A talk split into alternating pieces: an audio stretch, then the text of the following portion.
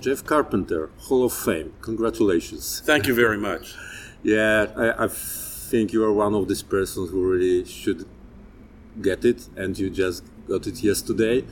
Uh, so, and I personally must thank you for one of the things you did for the community. I mean, the National CSIRT initiatives, uh, because many, almost 20 years ago, when you, you proposed and started these initiatives, uh, me being in NASK and, and uh, we playing and building the capacity of the national level team, that was so helpful and uh, interesting to, to talk to others who do the same. And that's the community grew so much now. So could you say some words about how did start everything that time? Sure. Uh, but for, for 20 years, I worked for the CERT Coordination Center. And CERT, when it was founded in 1988, and I wasn't there when it started, I came a couple years later, uh, it was formed to help build uh, capacity to do incident response globally. After the Morris worm, when there was really no place to go to get information or resources to, to help, uh, the United States government created the CERT Coordination Center at Carnegie Mellon in the Software Engineering Institute. So from the beginning, CERT's mission was to uh, to help organizations create capability uh, to be able to respond to incidents because CERT couldn't respond, wouldn't respond, be able, be able to respond to everything as the internet grew. Back then, governments really didn't know that much about the internet. They didn't know what to make of it. It wasn't really critical from an economic standpoint. But as, as the years went on and the internet was used, you know, more for electronic commerce, more for, uh, you know, governmental purposes and not just an academic network, it became more important for governments um, that security issues be dealt with. And so at CERT, one of the things we did was specifically do outreach to governments to help them create what we the term that we came up with CSIRTs with national responsibility. That is, see incident response teams that are focused on a specific organization, um, but ones that are focused on protecting um, ec- the uh, economic security and the national security of a country or an economy. And so that's how we got started started doing it. We started uh, the first meeting we had, which was informal, we had in, in Pittsburgh after the Ottawa first conference, um, just to explore how can we bring some of the already existing teams at that time together to uh, share information about how to how to do better, uh, and then share operational information as well. So from there, uh, it just continued to grow. I think they have almost 100 countries participating in the meeting this year. Yeah, I'm personally proud of being part of this first meeting you just mentioned. And I, so there's only uh, five countries at that yeah, meeting. Only five countries. So that for us, as I, as I said, was a big, uh, big experience, a very nice experience. I brought the Mac, from which I still use, and this is my loved one. Uh, uh okay, so yeah more than 100, 100 teams. By the way, the, the, the generally the CSIRT idea very much, uh, I mean, migrated into the national and, and governmental level, which is good for all of us. And uh, I always explaining this by the saying that the generally the CERT and CSIRT idea was was and is so successful that for many countries, many economies, the, it is considered to be the, the best solution for organizing the whole cybersecurity ecosystem. So uh, that's what we observe uh, in Poland when the, in our legal system the CSIRT are the most most operational and most most important. Uh, by the way, I think that I just realized that you probably should uh, at Carnegie Mellon they built the monument of Morris Worm, which is your fu- founding father, right? yes, it was the Morris Worm, which was, which ultimately resulted in the CERT Coordination Center. It was getting- so quickly after it, yeah, because that was the beginning of November. To, It was in November and December uh, is when uh, the Department of Defense asked Carnegie Mellon to stand up the CERT Coordination Center, and Rich Pethia, who was the who was the longtime director uh, CERT, was traveling that day, uh, and so he ended up getting ta- tasked to be the the director to create that uh, create the program. more than 30 years. Oh gosh, that's history already. Correct. and and nice that still so many people remember the, that times and uh, and we can have a whole whole vision whole vision whole picture of how community Well. First's origin also comes from that time as well, because again, this, that was actually before we had the National CSIRT focus. You know, we knew uh, at CERT that we we couldn't do it all ourselves. We couldn't have one organization. People depend on one organization. We had to create a network of, of teams. In fact, the first name of in the conceptual name of first was called the CERT system. There's actually still a, a tra- there was a transparency that image is still floating around of the first conception of what later became first, which is a network of teams uh, with different constituencies, different responsibilities. It was a combination of both uh, incident response teams and product security teams, all the way from the from the beginning, working working together on challenges in our industry. That later became the organization we know today as first. That's all interesting, and uh, also I, I very much like your yesterday's speech after awarding of, of being a member of Hall of Fame of First, because uh, I can imagine it is probably quite difficult stuff, tough thing to, to just uh, decide what to say in such such moments. So probably you always feel like. That must be something so important but on the other hand you don't want to be boring. Just let's be let's be honest. But i think you, you you found the point and and i i, I like this uh, what you said about the our priorities because especially with this what we can learn from other professions bec- because we're just telling about this history. This is relatively short history comparing to other professions. So could you just brief our listeners which professions you mentioned and how we could how we could learn from from them which they have rather thousands of years even uh, of experience which we could uh, just use Sure. As I mentioned yesterday, you know, doctors have been around for 2,500 years, firefighters 2,000. You know, lots of other professions have thousands of years that they've learned and evolved, and we have 35 years in incident incident response. And I think I think there's a lot of professions that we can we can learn from. I mean, even library science. I mean, I, I took a course offered by the American Library Association, just trying to understand how libraries share information and what can we learn from what li- librarians whose profession is information.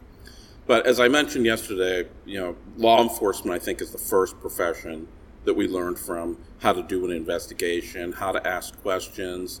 You know, sometimes you get information and it's not accurate, so how do you assess the accuracy? How do you draw conclusions from facts? You know, that's probably the first profession that we learned from. But as you know, uh, I'm a volunteer firefighter, and I believe the fire service. Uh, there's lots of learning from the fire service that we can uh, that we can have in our in our incident response uh, profession. The uh, the protect, uh, prevention, response, detection, um, those key components of the fire service are almost identical to to incident response. I think in, in every one of those, there's things that we can learn from the uh, from the fire service. Yeah, also quite often just bringing this uh, example of the um, medical sector, the health sector, right? Be- because they also they, they operate in quite similar manner, like like like we we do, and the maybe not funny is the best word, but interesting thing is that nowadays what I observe and in Poland, for example, but I think it is quite similar in other countries. That this is probably this one of the sectors we, we are mentioning when we are discussing the which sector should be invested more, right?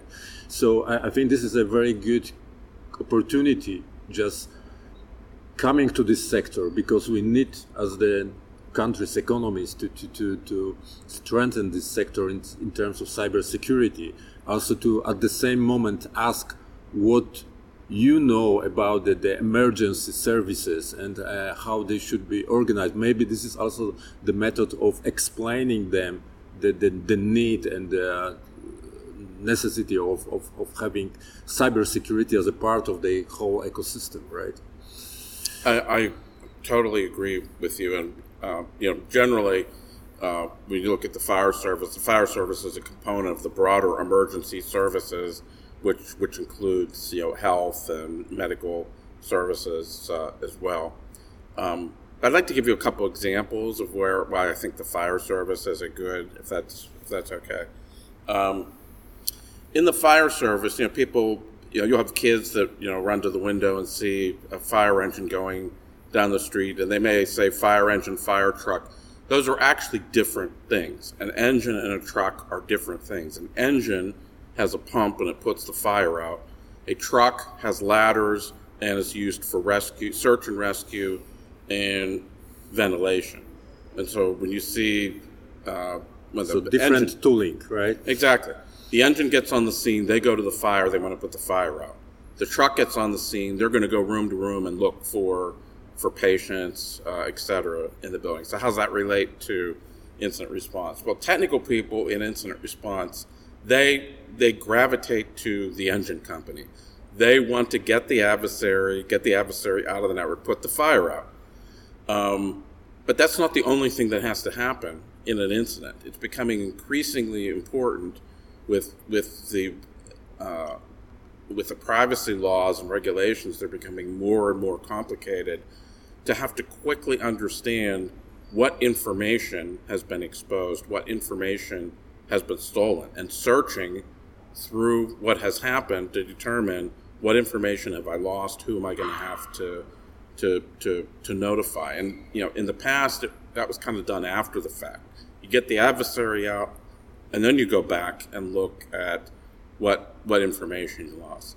Now we kind of have to do them in parallel, just like the engine company and the truck company. So you got to have some people are the engine company getting the adversary out of the network. Some people are the truck company trying to figure out what information have we uh, have we lost. So that's just one example where I think a fire service analogy helps us, you know, reassess our approach to an incident. So, in European, this is the, the potential method how we could divide our team team skill sets and organize the work with uh, appropriate tooling, of course, in in our teams. How, how you could compare it to the things which are the most modern and the most, I mean, uh, on the rising trend, like like SOCs, ISACs, and and, and CERTs, how how to use these experiences and models in, in our world. Well, I can tell you in the instance that we and I work in an incident response consulting organization, so we're working with with customers that are having incidents.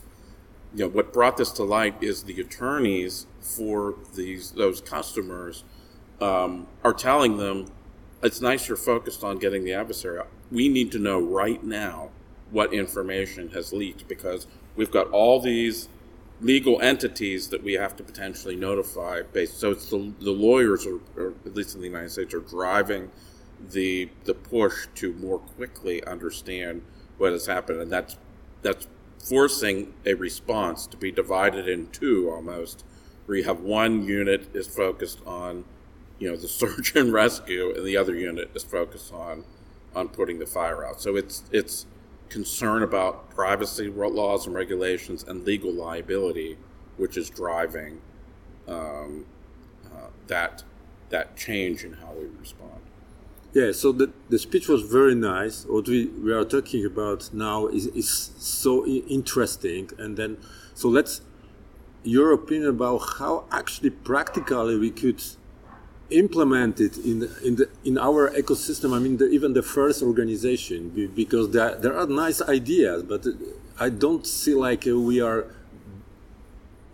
with on, on ongoing actions with these ideas now. So what what could practically be done? Like we need another SIG, for example. What how how to do that? How to continuously bring these experiences? Because even with these few examples, I, have no doubts it is so so beneficial.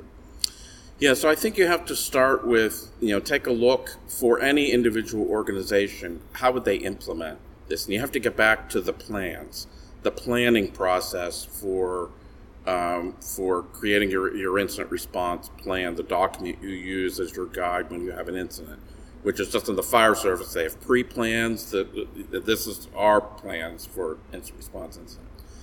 And you have to have in there the concept that when you create the team that's going to respond to an incident, that it has two cells in it, which are going to be focused on two different missions. And then you have to make sure you have appropriate staffing, whether it's people that's on your staff or you have contractors that are going to come in to help you perform that function. And then you, you drill to it. The fire company does drills, we do exercises. You conduct exercises and you, you do them you know, I haven't seen a lot of exercising that's been focused on that kind of division of, of, of labor, but that's kind of what you have to do. You have to you have to test it. So what could FIRST do? FIRST could provide training on how to how to do that, training on how to create a plan that takes that into into consideration. Um, uh, do some exercising, you know, sample exercises for for for, for testing that. Um, first, in, in, my mind, is, is, is best when it's helping people understand how to build their capability uh, and make their capability stronger. Yeah, so that's what we could wish first, right? And and also wish me personally, my wishing are that the knowledge and exp- experience people like you and the rest of people from the Hall of Fame will be used to building this. Uh, Jeff, thank you very much, and once more, congratulations thank and all much. the best. Thank you. I appreciate it.